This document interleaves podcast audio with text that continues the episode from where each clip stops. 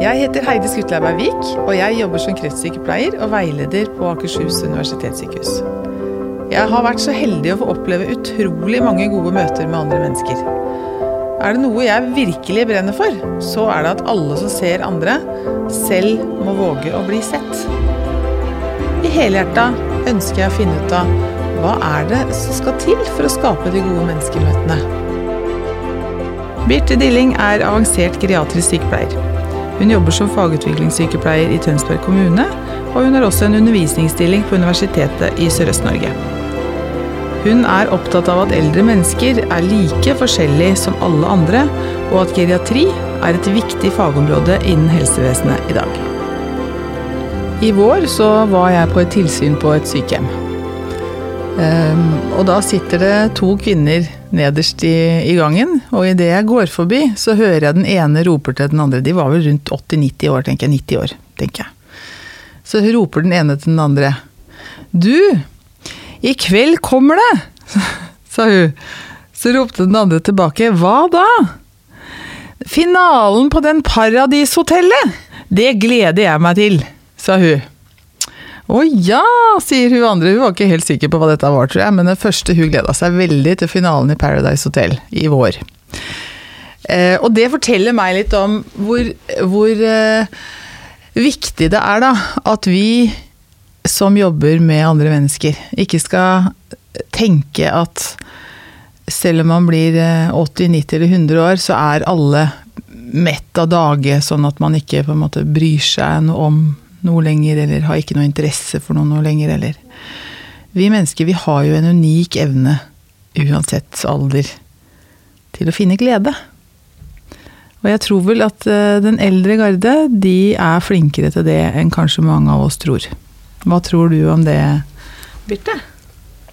Jeg tror du um, har helt rett med å, å tenke at alle er alle de eldre er jo like forskjellige som det vi andre er. Mm. Jeg tenker at, um, at de finner glede forskjellige steder, dem også, som vi også gjør. Og det, det er litt viktig å huske at, uh, at de er jo individer, og ikke en, en gruppe mennesker. De er jo utrolig forskjellige. Mm. mm. Birte Dilling, velkommen hit. Takk. Du er eh, avansert geriatrisk sykepleier. Ja. Eh, og du jobber i, som fagutviklingssykepleier på Trelleborg sykehjem i Tønsberg kommune. Ved ja. siden av at du er, har en undervisningsstilling på Universitetet i Sørøst-Norge. Ja. ja. Og du har rett og slett som hovedområde at du er spesialist på det å være eldre. Geriat geriatrisk sykepleier. Ja. Mm. Fortell litt om hva det er. Altså for meg det er viktig at vi skiller litt med det å være eldre og det å være en geriatrisk pasient. Ja. En eh, geriatrisk pasient er det vi De kjennetegnes ved at de gjerne har mange sykdommer på en gang. I um, hvert fall tre, ofte mange flere eh, diagnoser. Aktive diagnoser på en gang. Mm. Og dertil blir de aktivt behandla med medisiner. Det er gjort eh, studier som viser at eh, veldig mange av uh, geriatriske pasienter har i snitt åtte legemidler på en gang. Og det I snitt? I snitt, ja. Guri meg. Og da, da, blir det komplekst, ikke sant. Og det er den geriatriske mm. pasient. Når er, man er multisyk og bruker mye medisiner og har en blanding av både sykdom og normal aldring. Mm. Um, Hva er de vanligste sånn uh, multisykdommene man har? De vanligste sykdommene? Altså, det er nok veldig vanlig med hypertensjon, f.eks. Høyt blodtrykk, osteoporose. Så kommer jo hjertesvikt, kols um, Ulike slitasjetilstander som de kanskje bruker smertelindring for. Um, og så er det jo det med demens Altså en annen mm. svikt kognitivt er jo vanlig. Mm. Um, nyresvikt Det er utrolig Altså mm. mye som spiller inn. Diabetes, sikkert. Diabetes er jo veldig vanlig. Mm. Ja, her er det mange muligheter til mye medisiner, i hvert fall. ja. Men øh, du er noe som heter avansert geriatrisk sykepleier. Ja. Hva er det? For vi kjenner jo at man kunne bli geriatrisk sykepleier fra før, men avansert geriatrisk sykepleier, hva er det? Du, det er um, en uh, ny, um, relativt ny mastergrad i Norge. Det er det som um, Hvis noen har vært i USA, England, Canada, andre land som har nurse practitioner, så er det en tilsvarende utdanning i Norge. Mm. Så det betyr at den er vel den tradisjonelle geriatriske videreutdanninga som var før, var vel 60 studiepoeng, og denne her er dobbelt så mye i og med at det er en master. Mm. Um, Hva gjør dere? det som vi kanskje gjør mest eh, som skiller oss mest ut, og det gjelder også de som er avansert klinisk sykepleiere, det er at man lærer systematisk undersøkelsesmetodikk. Um, og det er um, egentlig litt mer Altså noe som man kanskje tradisjonelt har forbundet med legene i Norge. Mm. Eh, og det går på å være bevisst på hva man faktisk ser etter når man undersøker en pasient, hva man kjenner etter hvis man tar på noen. Man kan bruke et stetoskop til å lytte på, på lunger eller hjerte eller mage. Eh, Men gjør, man gjør det systematisk. Og vi har det ikke med hensikt i å nødvendigvis stille noen diagnose, men å prøve å, å skille mellom hva som er Hvem som må til lege fort, og hvem som kanskje kan avvente.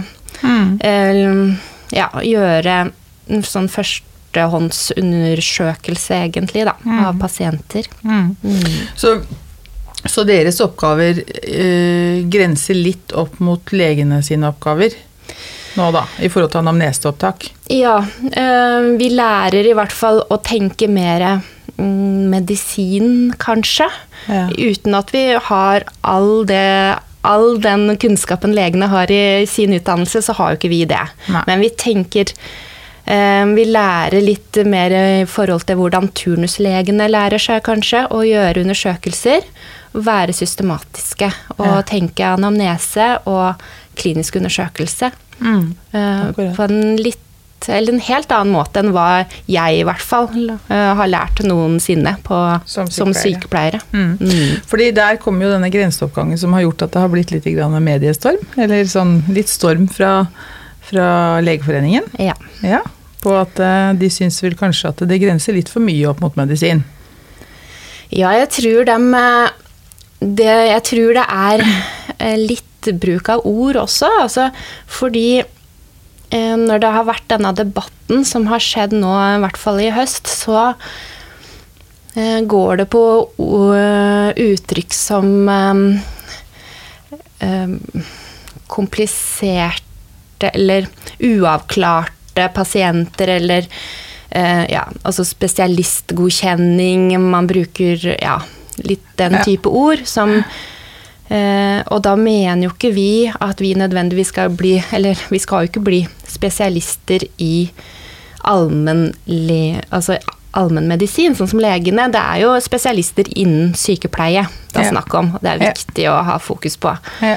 Og, um, og når vi snakker om uavklarte pasienter, så er det jo nettopp det å Fordi eh, spesielt blant de eldre så er det mange uavklarte pasienter. Og, og, um, og det å kunne ta en litt grundigere vurdering av pasienten Mm. enn man kunne før, er det jo litt snakk om. Ja.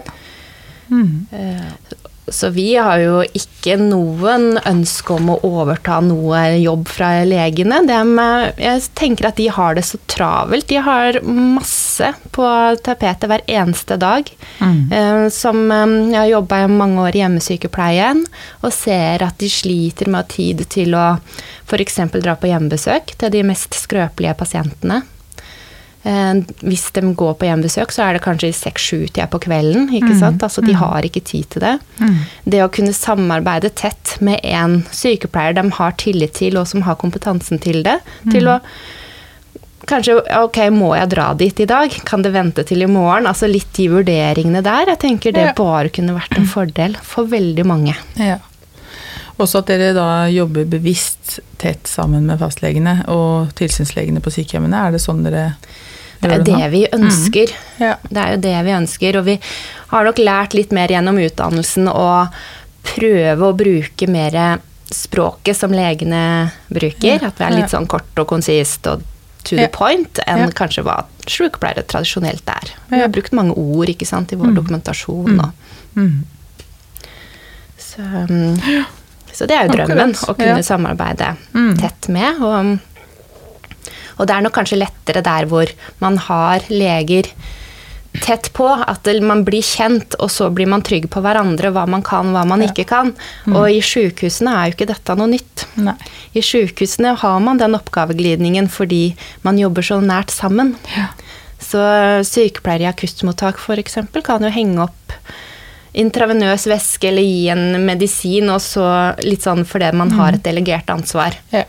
I mottak. Det vanlig. Ja, det er vanlig. Men i kommunene er det ikke sånn. Nei. Nei. Det er ganske stor forskjell på det. Ja. Mm. Men eh, det var geriatri vi skulle snakke om også, Ja. da. Ja. Hva er det som gjør at du har valgt å, å begynne å jobbe med, med eldre mennesker? For min del så Egentlig så er det jo snakk om tilfeldigheter. Mm. Jeg har hatt faktisk en ganske mange år opp mot kreftpasienter.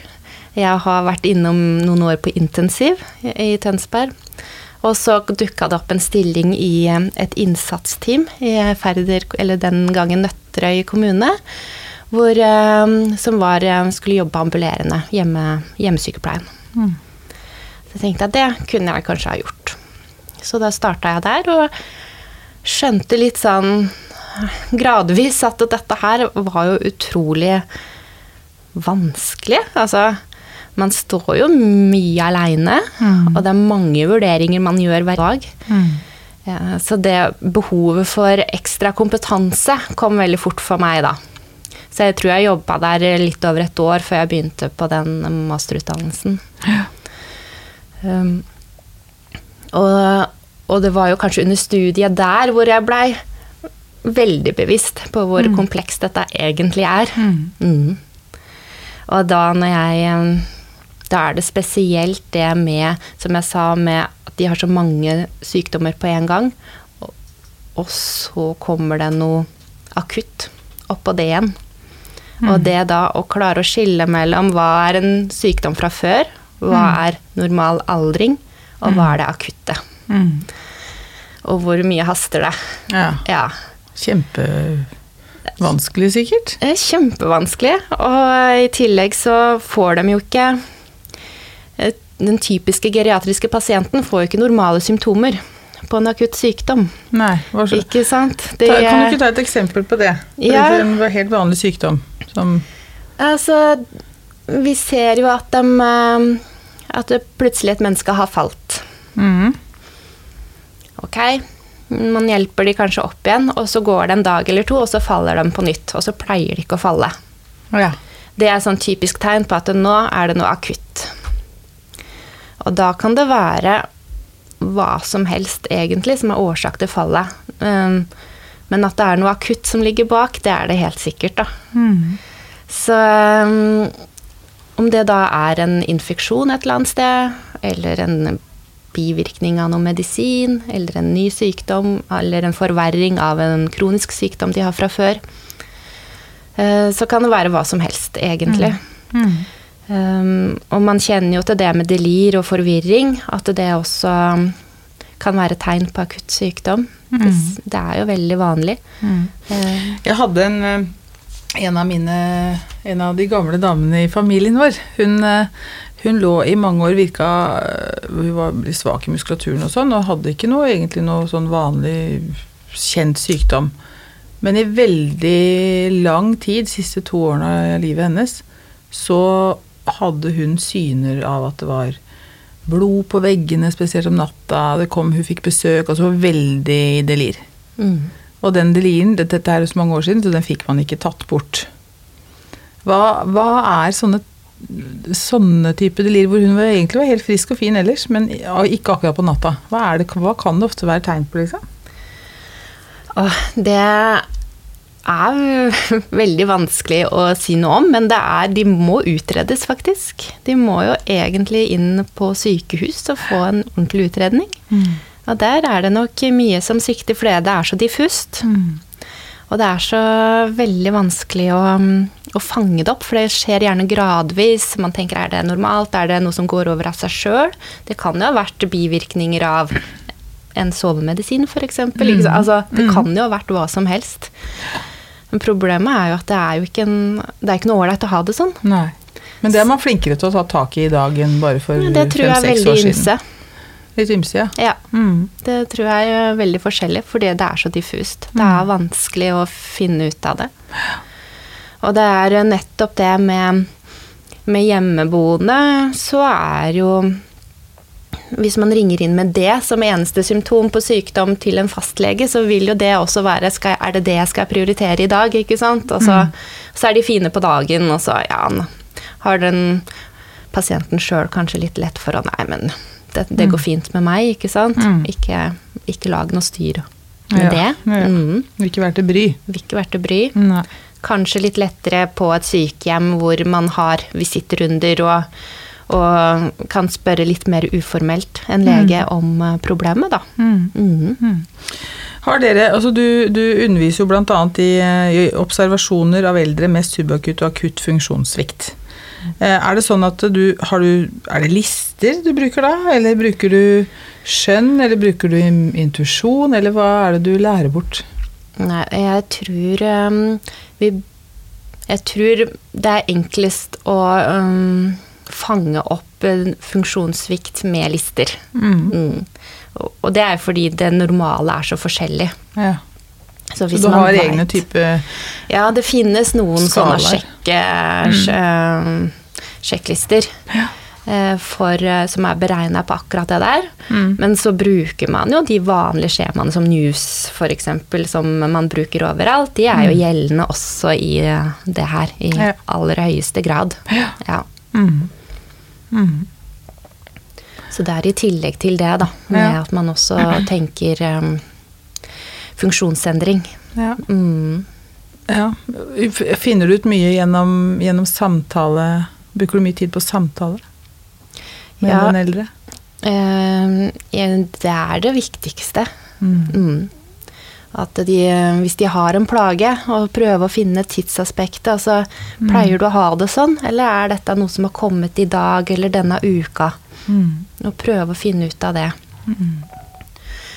Um, det kan være ja, nedsatt matlyst eller det å være ustø, svimmel, uh, smerteprega, alt det her. Altså hva er nytt og hva er gammelt, det er jo det helt essensielle innenfor geriatrien, da. Mm. Bruker du sånne komparentopplysninger, altså sånn med opplysninger fra, fra pårørende og, ja. og sånn? Er, du, er, dere gode på det? Ja, det tror jeg mm, Det er kjempeviktig å mm. alltid snakke med pårørende hvis de har det. Mm. Um, spesielt i forhold til kognisjon, mm. og hvordan det bruker å være. Hva mener du med kognisjon? Ja, da tenker jeg på mer det hvis de surrer mye, eller uh, har begynt mm. å rote litt, eller er ukritisk i oppførsel, kanskje. At ja. de um, uh, kanskje snakker på en, uh, no, på en måte som man tenker kanskje ikke er normalt. Mens ja. for noen er det jo det, og andre er det ikke det. Ikke så har det skjedd en endring, så er jo det viktig å fange opp, da. Ja. For det jo, kan jo være et tegn på en eh, diagnose som bør utredes. Mm. Mm.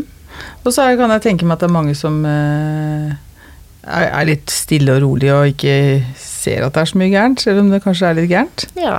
ja. Og det er jo også veldig vanlig. At ja. de eh, nei, skylder det litt på at nei, men nå er jeg så gammel, og nå sitter jeg bare her, og ja. jeg trenger ikke så mye mat, og trenger ikke mm. så mye av noen ting, egentlig. Mm. Mm. Ser du noe endring Ser du noe endring hos Eller er det sett da, noen endring de siste årene på om den eldre er sprekere nå enn en før? Da tenker jeg liksom, Har det noe med at, at fysisk aktivitet er mer liksom poppis i dag enn før? Ja, altså Det blir jo flere eldre. Mm. Og det er jo veldig mange av de som holder seg spreke lenge. Eh, man skiller litt i, dette faget her, så skiller man litt mellom det å være fit, som man kaller for en sprek, Mm. eh, sprek person, eller det å være frail, som er mer skrøpelig. Da var det den geriatriske pasienten med at man går sakte og ustøtt og bruker eh, Mm. Eh, ja, er skrøpelige i hvordan de er, og er veldig sårbare for å få sykdom. Ja. Fit og frail. Fit og frail. Og så et eksempel på eh, det å være sprek eldre. Altså man kan tenke Liv Ullmann eller dronning Sonja eller Ikke sant. Altså, det er jo eldre damer som er kjempespreke, og de får de en urinveisinfeksjon. De begynner jo ikke å falle av det. De vil få svine, vannlating og alt som helt sånn som vi gjør. Mm. Mens eh, andre i samme alder kanskje mm, får et delir, og så er det en urinveisinfeksjon de har. Ja. Ja. Så det er forskjellen. Ja. Mm. ja. Nå tenker jeg automatisk på I forhold til en mann i den rollen, så tenker jeg automatisk rett på Olav Thon. Ja. Som er så supersprek. ja. Og han har jo tålt en hofteoperasjon veldig bra og like Virker like klar utad, i hvert fall. Mm. Orientert. Mhm. Hva er det som gjør det, tror du? At noen tåler det så At dronning Sonja er så sprek, og Olav Thon er så sprek, og, mens andre ikke tåler det? Det er sikkert eh, Det er sikkert med gener, og, men også sikkert hvordan man eh, har vært hele livet. da, At man holder seg i gang og har oppgaver og går turer. og Det har nok en sammenheng, helt sikkert. Mm. Så er det nok det at man har Hvis man har klart å holde seg frisk gjennom et eh, langt liv, så eh, så er man jo det, på en måte. Mens hvis man eh, har starta tidlig med en diabetes type 2 og noe høyt blodtrykk, og så baller det jo litt mer på seg med en gang, da. Ja. Og det er jo livsstilssykdommer, ikke sant? Kan Ja. være. Mm. Mm. Livsglede. Ja, ikke sant? Hva tenker du om det, sånn i forhold til Vi blir jo eldre og eldre. Um, tenker du at det er det at det er ehm, Den medisinske kunnskapen har blitt større, har det mest å si, eller er det det at vi er mer nøye på kosthold og fysisk aktivitet og livsglede og viktigheten av å hygge seg og kose seg? Og Jeg syns det er veldig vanskelig å vite noe om årsaken til det, egentlig. Jeg tror nok det spiller en stor rolle. Og så er det jo behandling også av sykdommer, da. At man er jo bedre på medisin generelt. Så det gjør jo at man blir eldre. Så det er jo en vellykka Man gjør jo mye bra i helsevesenet, helt, helt klart, da. Mm. I og med at vi blir mye eldre nå. Så um, Det med livsglede, som du nevner, så er jo det veldig sånn politisk, syns jeg, med at de er opptatt av det sosiale, god mat og alt det her som er kjempeviktig for utrolig mange. Men når jeg snakker om mine pasienter, så er det jo De er opptatt av god mat, for all del, men, eh, men de er jo sjuke. Ja. Ikke sant? De her er jo kjempesjuke. Og, og strever med å liksom eksistere, nærmest. Mm. Hva er de mest opptatt av da? De er opptatt av trygghet. Eh, De er opptatt av å bli sett. Mm. Um, Behandla med respekt, tror jeg. Mm. Mm. Og ja, de er opptatt av å få best mulig behandling som vi kan gi dem, da. Mm. Og det er jo ikke nødvendigvis det at de skal leve så i mange, mange år, men det har jo mer på at man skal ha det godt når man lever. Mm. Mm. Ja. Så um, Mm. Hva er det fineste med jobben din? ja, altså nå har jeg jo bytta jobb i en i veldig nær eh, i nær fortid. em, og har gått litt bort eh, fra pasienten, i hvert fall litt sånn midlertidig, inn, inn eh, og jobbe med fagutvikling. Mm. Jeg tenker at det også er en viktig måte å jobbe med fag på. Så, um, men sånn uh, Det å um, Når jeg har jobba tidligere ute, så er det Det fineste er jo å kunne hjelpe folk. Altså uansett hvem det er, om det er en typisk geriatrisk pasient, eller om det er en kreftpasient eller en yngre person eller altså uansett, da. Vi har jo hjemmesykepleien, her var det jo også barn. Altså det er jo å hjelpe de som trenger hjelpen. Mm. Det er det fineste og Mm. Det beste jeg kan tenke på mange Mm. måter. Mm. Mhm. Syns du eh, Jeg er jo onkologisk sykepleier, eller kreftsykepleier, og, og jeg syns det er kjempespennende, ikke fordi de har kreft, jeg syns bare det er så spennende å møte, et, møte mennesker som er i, i, en, i en krise, på et vis. Altså det Mm. eh, Det høres jo rart ut, men jeg syns det er ganske spennende. Hva er det som gjør det så spennende for deg å jobbe med, med geriatri? Jeg tror det er akkurat det samme, faktisk. Eh, og i kommunehelsetjenesten så er det jo alle. Vi, vi har jo også dine typer pasienter, altså de Mhm. tradisjonelle holdt på å si, kreftpasientene. Eh, mye hjemmedød, ikke sant, og planlegge for det. Eh, det jeg er opptatt av, er jo at eh, når vi, eller når vi fikk typiske kreftpasienter hjem, så akkurat som vi visste litt hva det krevdes. Og alle vi var klare nesten for å bemanne opp staben. Um, vi hadde um, Lederne var på og sa ok, nå kommer den personen, da må vi gjøre sånn og sånn. Vi må ha, sørge for at alt utstyr er i orden. Vi må ringe dit og ringe dit, og liksom alle, alle var veldig parate og veldig forberedt. Men det var så diagnoseavhengig, og det er jo det som kanskje mm, Litt sånn elitesykdom å ha kreft, det, på et ja, vis. Og så tenker jeg at ok, vi kan se det sånn, og så kan vi se det som at uh, vi har et forbilde eller noe å strekke, strekke oss opp mot. At det, det er jo sånn det burde være for alle. Ja, det burde det. Og, og det var, da var det liksom Hvis man har kreft, så kan man spørre direkte ja, tenker du på hvor vil du dø hen. Altså, man kan planlegge for sånne ting. Helt legitimt, for man vet man får det til. Uansett hva de ønsker. Mens de andre så torde vi nesten ikke å spørre om det, fordi det var, vi visste ikke helt hva vi klarte å kunne få til. Ja. Mm. Og det er jo så trist, vet du. Det tenker jeg er så viktig, da. Det der å, og, Jeg tenkte ofte på det på et sykehjem. Jeg hadde en gammel tante som ble 100 år.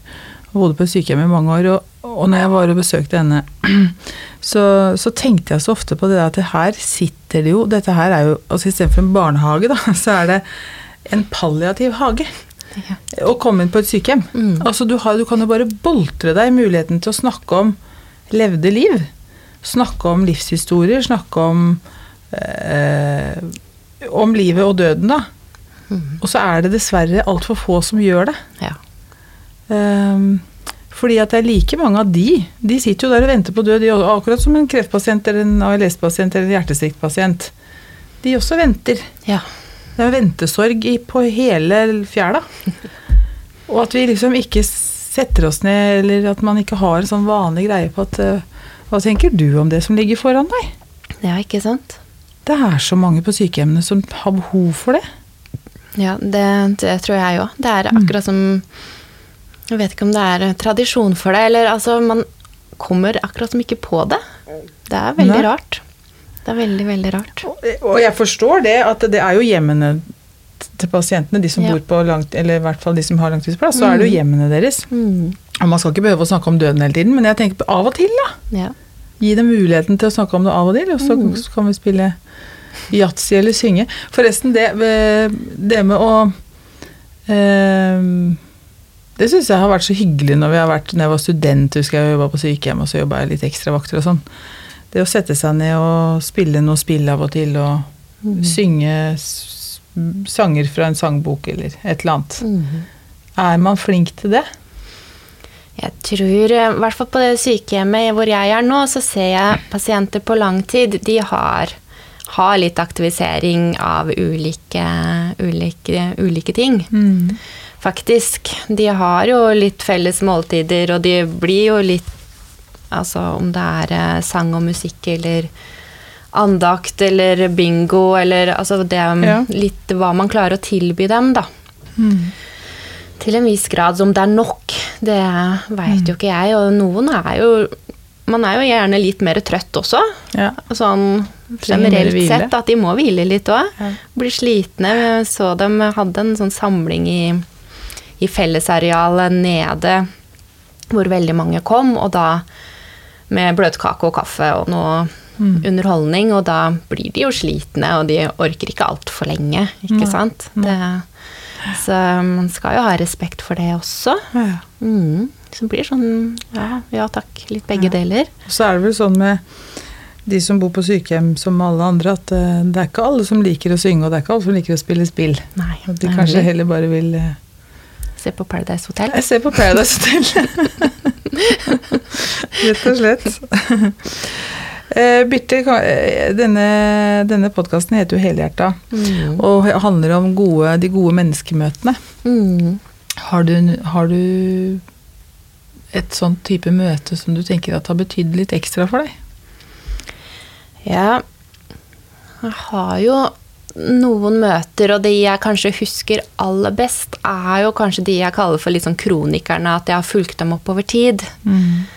Um, og jeg har um, Etter jeg blei ferdig som avansert geriatrisk sykepleier, så fikk jeg følge opp noen av disse litt um, um, Holdt å si Litt utenom eh, disse listeoppdragene man har i hjemmesykepleien, da. Og da var det ei dame med, med alvorlig hjertesvikt, altså mye tung i pusten, mye væskeansamling i lungene. Og hun, når jeg kom inn der første gangen, da hadde han vel vært innlagt på sjukehus i forkant, tror jeg. Da kom jeg inn i leiligheten, og det var, hadde polstra alle hjørner i leiligheten med, med puter. Fordi hun sa hun besvimte så mye, Nei, og, og falt så fryktelig mye. Sånn at hun så hadde rett og slett polstra alle hjørnene så hun ikke skulle slå seg så fælt. Um, og tar jo litt sånn vitale målinger og, og snakker litt med henne, og så finner vi et veldig lavt blodtrykk, ikke sant, og, og ser jo at her kan vi sikkert gjøre noe med medisiner. Um, og hun samarbeider greit med fastlegen, og, og får redusert litt på medisinene, og det liksom kommer seg litt. Hun blir mindre svimmel og slutter egentlig å besvime, som hun kalte dette her for. Um, og hun uh, ville være um, ganske høy alder, men ville være veldig selvstendig og sa fra seg alt fra hjemmesykepleien og dusj og det de kom med. Så, men hun um, fikk lov å ha nummeret til meg, og så fikk ringe hvis det var noe. Så da kunne jeg ringe og spørre om jeg kan komme og ta blodtrykk, sa jeg gjerne da. Så hun Ja. ville liksom egentlig bare ha en samtale, tror jeg. Ja. Og det holdt henne. Vi ble, fikk jo ikke noen innleggelser på i hvert fall to-tre år, tror jeg, hvor, hvor vi holdt henne hjemme. Det gikk lite for, til fastlegen også, men han fulgte henne litt opp eh, via mine meldinger, da. Og um, lærte henne litt i forhold til det med vanndrivende og hjertesvikt, og hvordan kjenne seg tungpust og selvmedisinere, at hun blei litt trygg på det. Um, I samarbeid med han legen.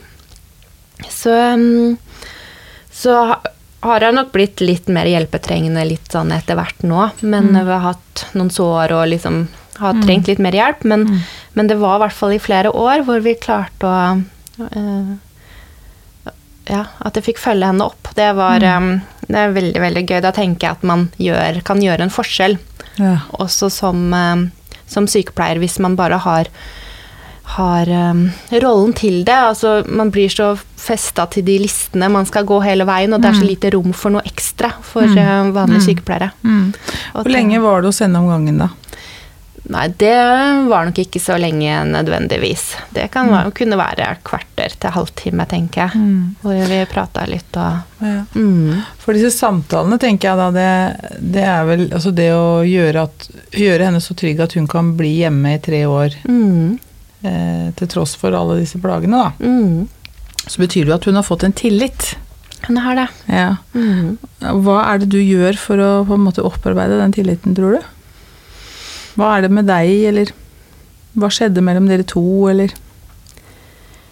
Jeg, jeg vil tro at det Jeg tror hun opplevde en trygghet da, på at jeg skjønte litt av um, symptomene hun hadde på, på um, sykdommen. Mm. Og at dette med tungpust, som var så Det er um, så ille å være tung i pusten og aleine hjemme. Mm. Man blir så redd, da. Mm. Uh, og det å um, å vite at man kan Bare det å vite at man kan kontakte noen, tror jeg er en trygghet. Mm. Men også det at vi snakka mye om medisiner. Jeg kunne ta målinger som sier at nå, dette her er, det er fine målinger, og dette Mm. går bra, og du kan gå i butikken og liksom være Mm. uh, Gi henne tryggheten på Ja. at uh, dette her uh, Det går fint i dag òg, på en måte. Ja, ja. Men så, um, så jeg tror nok det var mest det, at jeg hadde tid, Mm. og at jeg hadde litt ekstra kunnskap til Mm. å trygge henne. Mm. Mm. Snakker dere mye om, om eh, så Når du skal opparbeide tillit, da, Mm. så er det, jo skal, må man jo vise kunnskap og må man vise erfaring og vise at man kan tingene sine. Det er en viktig ting. Men samtidig så er det noe med at vi mennesker vi trenger å bli sett. Eh, for, å, for å i det hele tatt gidde å jobbe med å få tillit til noen. Mm. Eh, tenker du at det er eh, en sånn spennende ting med din jobb? Altså det der å se den eldre på et vis? Altså, Ja. hvem er du? Er du nysgjerrig på hvem de er, og det livet de har levd? ja. Det er jo alltid veldig gøy, vet du. Ja. Og det når man jobber hjemme hos noen også, så er man jo på besøk. Ja. Man kommer inn i et hjem. Mhm. Man må liksom ringe på og spørre om det er greit at man kommer inn. Og det henger gjerne bilder av ulike folk på veggene. Det er jo mye å ta tak i. Og, og, um, og det er mange historier, ikke sant. Utrolig mange historier. Og det er så gøy hvis man har mulighet til å høre på. Jeg var hjemme hos et eh, par her for eh, et par, par-tre uker siden. I hvert fall så, så kom jeg inn de, var, de er vel rundt eh, 85. eh, og den ene parten er ganske deprimert. Og så, eh, og så når jeg kommer inn, så ser jeg brudebildet hang der. da, Hun hadde så fin krone på hodet. Så jeg kommenterer det bildet da på vei inn, liksom. Eh, og så ganske raskt så Gud, så vakker, jeg for en nydelig krone. Og så er det en historie bak denne brudekrona som de begynner å fortelle, og så ser jeg at de begynner liksom å kvikne til. Og hun som også da var veldig lei seg, kvikna til. Veldig sånn. Og så fortsatte vi da, istedenfor å gå inn på det jeg egentlig var der for, i forhold til smerter og symptomlindring da, så gikk vi rett over i hvordan det var når de traff hverandre. Ja. Så jeg ble kjent med de på en helt annen, annen måte, liksom. Fordi av denne brudekrona Mm. så ble det et veldig, veldig fint møte. ja. Og jeg tenker at det er jo det som kanskje er noe gjenkjennende med det med å jobbe med, med de eldre. At de mm. har At det å oppnå tillit, tillit hos, et, hos et eldre menneske Mm. kan kanskje ha mye med om vi, om vi har tid til å se også det rundt sykdommen. Ja. Jeg tror det, det er veldig viktig, og jeg tror de føler at man får litt At dem også får respekt, ikke sant? Og litt sånn anerkjennelse på at det, det er ikke den du ser nå jeg egentlig er. Jeg er jo egentlig det mennesket som eh, Som, ja, som pleide å reise rundt i verden, eller dra på fester, eller altså, Mm. altså har vært De har Bare det å spørre mye. noen, selv om de har vært, eh, selv om de har vært eh, pensjonister i 25-30 år, Mm. hva jobba du med, så ser du jo hvordan de vokser. Ja, Ja. det er noe med det. Eh, De ønsker gjerne å fortelle om det. det, har vært, Mm. det har, de har jo jobba i mange år, veldig mange, og har, det er en viktig del av dems Mm. identitet. Mm. Det er klart, det. Mm. Ja.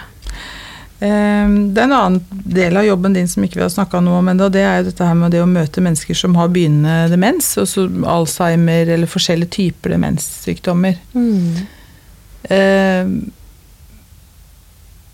eh, eh, hvordan skal vi oppdage det, vi andre, så vi som ikke kan så mye om det? sånn eh, Hvordan skal vi forstå forskjellen på at et eldre menneske bare er vanlig glemsk, eller at han begynner å få Alzheimer, eller eh, Det er kanskje ikke Alzheimer, da, det er demens, kanskje? Hva er forskjellen på demens og Alzheimer, egentlig? Kan du ha to spørsmål på en gang? ja, vi kan ta det først. da. Demens er vel en eh, samlebetegnelse på flere diagnoser. Alzheimer er én type. Ja. Demens og Alzheimer det går ofte på hukommelse, altså hukommelsessvikt. Mm. Da er det det man merker først. Uh, og det kan være ja, tidlige tegn på det. Utenom at man begynner å skrive lapper på alt man skal gjøre, kanskje. Men også det å klare å, å lære nye uh, duppeditter, nær sagt. ikke sant? Mm. Hvis man får en mikrobølgeovn eller en, en ny vare inn i huset, og lærer å, lærer å bruke det. sånne Mm. ting, da.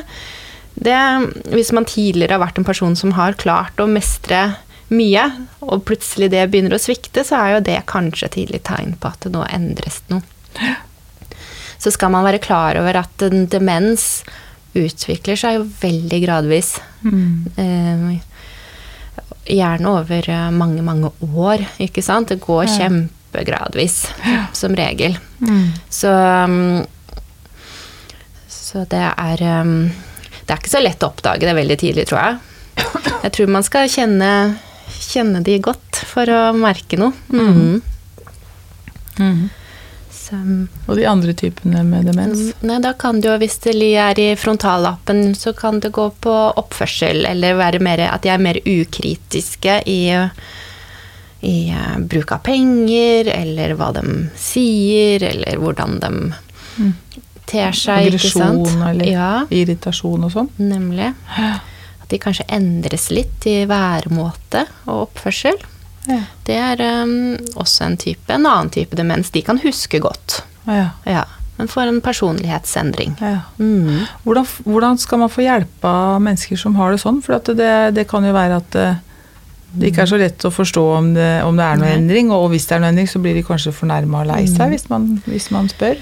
Jeg tror veldig mange blir fornærma og lei seg. Ja. Uh, og det er litt problematisk, egentlig. Mm. Uh, så sånn det viktigste sånn for um, helsevesenet er jo kanskje at de blir diagnostisert. At de, man, selv om ikke det er så veldig mye å gjøre sånn behandlingsmessig, så er det noe med at man setter diagnoser for å det blir lettere å hjelpe dem senere, når det utvikler seg i større grad. At eh, helsevesenet, altså som kommunehelsetjeneste, klarer å sette inn riktige tiltak senere i forløpet. Ja. Mm. Så det, det tenker jeg det er viktig å, å få diagnosene på plass. Mm. Fins det medisiner som kan hjelpe fortsatt? Det er jo noen medisiner som eh, kanskje kan ta bort noen symptomer. Mm. F.eks. type hallusinasjonssymptomer eller sånt. Men jeg tror ikke det nødvendigvis hjelper på demensen i seg sjøl. Nei. Nei, men det blir mer symptomlindring, og, og det kan Kanskje man kan kvikne opp i en periode, eller ja. Mm. Så, men eh, de pleier vel ofte å begynne å bruke type medisiner, og så ser man om det har effekt i det tilfellet. Og så hvis ikke det er noen endring, da er det gjerne pårørende som har noe å si der, og da slutter man med det igjen. Eller hvis pårørende mener at det har vært en bedring, så, eller ting går greit, så fortsetter man. Mm. Så um, der er det viktig med pårørendesamarbeid. Ja. Mm. Du, Birte, hva gjør du for å bearbeide sterke inntrykk? Når du liksom har opplevd noe som har vært heftig? Mm. For meg så har det alltid vært viktig med kollegaer. Ja. At man snakker om ting som har skjedd på kontoret etterpå. Mm. Eh, I innsatsteamet hvor jeg har jobba, så har det vært en stor del av, av hverdagen. At vi forteller hva som har skjedd, og at vi drøfter litt rundt det. Mm. Egentlig nesten hver eneste dag. Ja. Så tenker jeg at det, er en sånn ting som jeg kanskje kan dra med inn på sykehjemmet på Trelleborg, der jeg er nå. At, eh, at jeg kan eh, legge opp til kanskje noen refleksjoner, sånn at flere kan få til det i en travel jobbhverdag. Da. At man skal ha litt rom for det, og hva har gått bra i dag, og hva, hva var vanskelig. At det, det tror jeg hadde vært veldig gøy å få til det. ja. Ja. Og det er noe av planen din? ja. Ja. Så bra. Mm. Eh, jeg spurte i stad hva du syns er liksom mest sånn spennende, men jeg tenker at det var hva, hva er det du tenker at eh, hvorfor, vil du, hvorfor vil du bli i den jobben du har nå, liksom? Hva er det som gjør at du vil bli der? Nei, Hva er det som driver deg, liksom? Ja, nei, nå har det Det er um, Vi må kjempe denne saken her, rett og slett. Altså, det er det med geriatriske pasienter og kommunehelsetjeneste å få løfta kompetansen og det vi står i da, i den hverdagen, det er så viktig, så vi kan jo ikke forlate dette nå. Nei. Nei, det, man må ah, ja, skape litt blest. Mm. Det Heve kommer til å bli så status. himla mange av oss når vi er der. Når, vi- når det vi kjempemange, vet du. Ja. så hvordan det skal gå Mhm. mm. Det blir jo ikke flere som jobber der. Mm. Så det, det blir jo um, En tidligere Spennende. gjest, uh, Betty van Roy, hun sa det at uh, vi må ta vare på framtida vår. Vi må ta ansvar for framtida vår. mm, Og derfor så må vi ta vare på barna våre, og vi må lære opp de andre til å bli gode. Ja, Ja. Det er så sant. det er viktig, Det er det det handler om. Ja. Så det blir nok vanskelig å bli gammel eh, i framtida uten pårørende, tror jeg. Man må nok ha Mm. pårørende, og vi må nok være innstilt på å være gode pårørende sjøl også. I Mm. framtida, altså stille opp for de man bryr seg om. Lære mer fra andre kulturer, kanskje. Ja, jeg tror det. Til å ta jeg tror på man bare må, rett og slett. Ta vare på våre. Mm, Mm. faktisk. Hvis du skulle gitt deg sjøl et råd tilbake til da du var 18 år, Mhm. Birte 18 år, Ja. hvilket råd skulle du gitt henne? Ja, så det er eh, Det er lett å si sånn det, Ta det rolig, det ordner seg. Ja. Men eh, hvis jeg skulle gitt et konkret råd, så har jeg tenkt mange ganger at søren, hvorfor reiste jeg ikke et år utenlands i et engelskspråklig land og blei god i engelsk? ikke sant? Det tenker jeg det, det hadde vært nyttig Ja. å kunne et ordentlig Altså, man kan jo engelsk og forstår mye, men det er noe med Ja. at man eh, Hvis man hadde bodd der, så hadde man jo blitt bedre. ja. Ja, litt det, svung på tunga. ja. Det tror jeg hadde gitt til meg sjøl. Ja. Reis. Reis ut. Ja. Mm. ja, det er så sant. Um, helt til slutt, eh, Birte, så, så tenker jeg ehm, at det hadde vært veldig fint om du har kunnet gitt alle lytterne og meg et helhjerta råd om hvordan vi skal møte de som er voksne og eldre rundt oss. Ja. Nei, da Ta og se dem i øya. Mm. Vær, um, vær nysgjerrige på, på dem og det levde livet de har hatt. Det er det viktigste rådet. Og så blir det jo litt det å sette seg inn i Hvis det er en kompleks pasient med alle de diagnosene og alle de medisinene på en gang, så prøve å skjønne litt hva, hva henger sammen med hva. Mm. Og hva eh, eh, Hva gjør at eh, du ikke har det bra akkurat nå. Mm. Og det, det er jo ja, diffust og vanskelig, men det å prøve å finne ut av det Da krever det nysgjerrighet. Det krever veldig nysgjerrighet. Mm. Birte Dilling, det har vært veldig hyggelig å ha deg som gjest i Helhjerta. Tusen takk for at du kom. Takk for at jeg fikk komme. Helhjerta er en podkast fra Kompetansebroen. En digital plattform for samhandling og kompetansedeling i helsetjenesten. Personer som blir omtalt i pasienthistorier, er enten anonymisert eller har gitt samtykke til deling.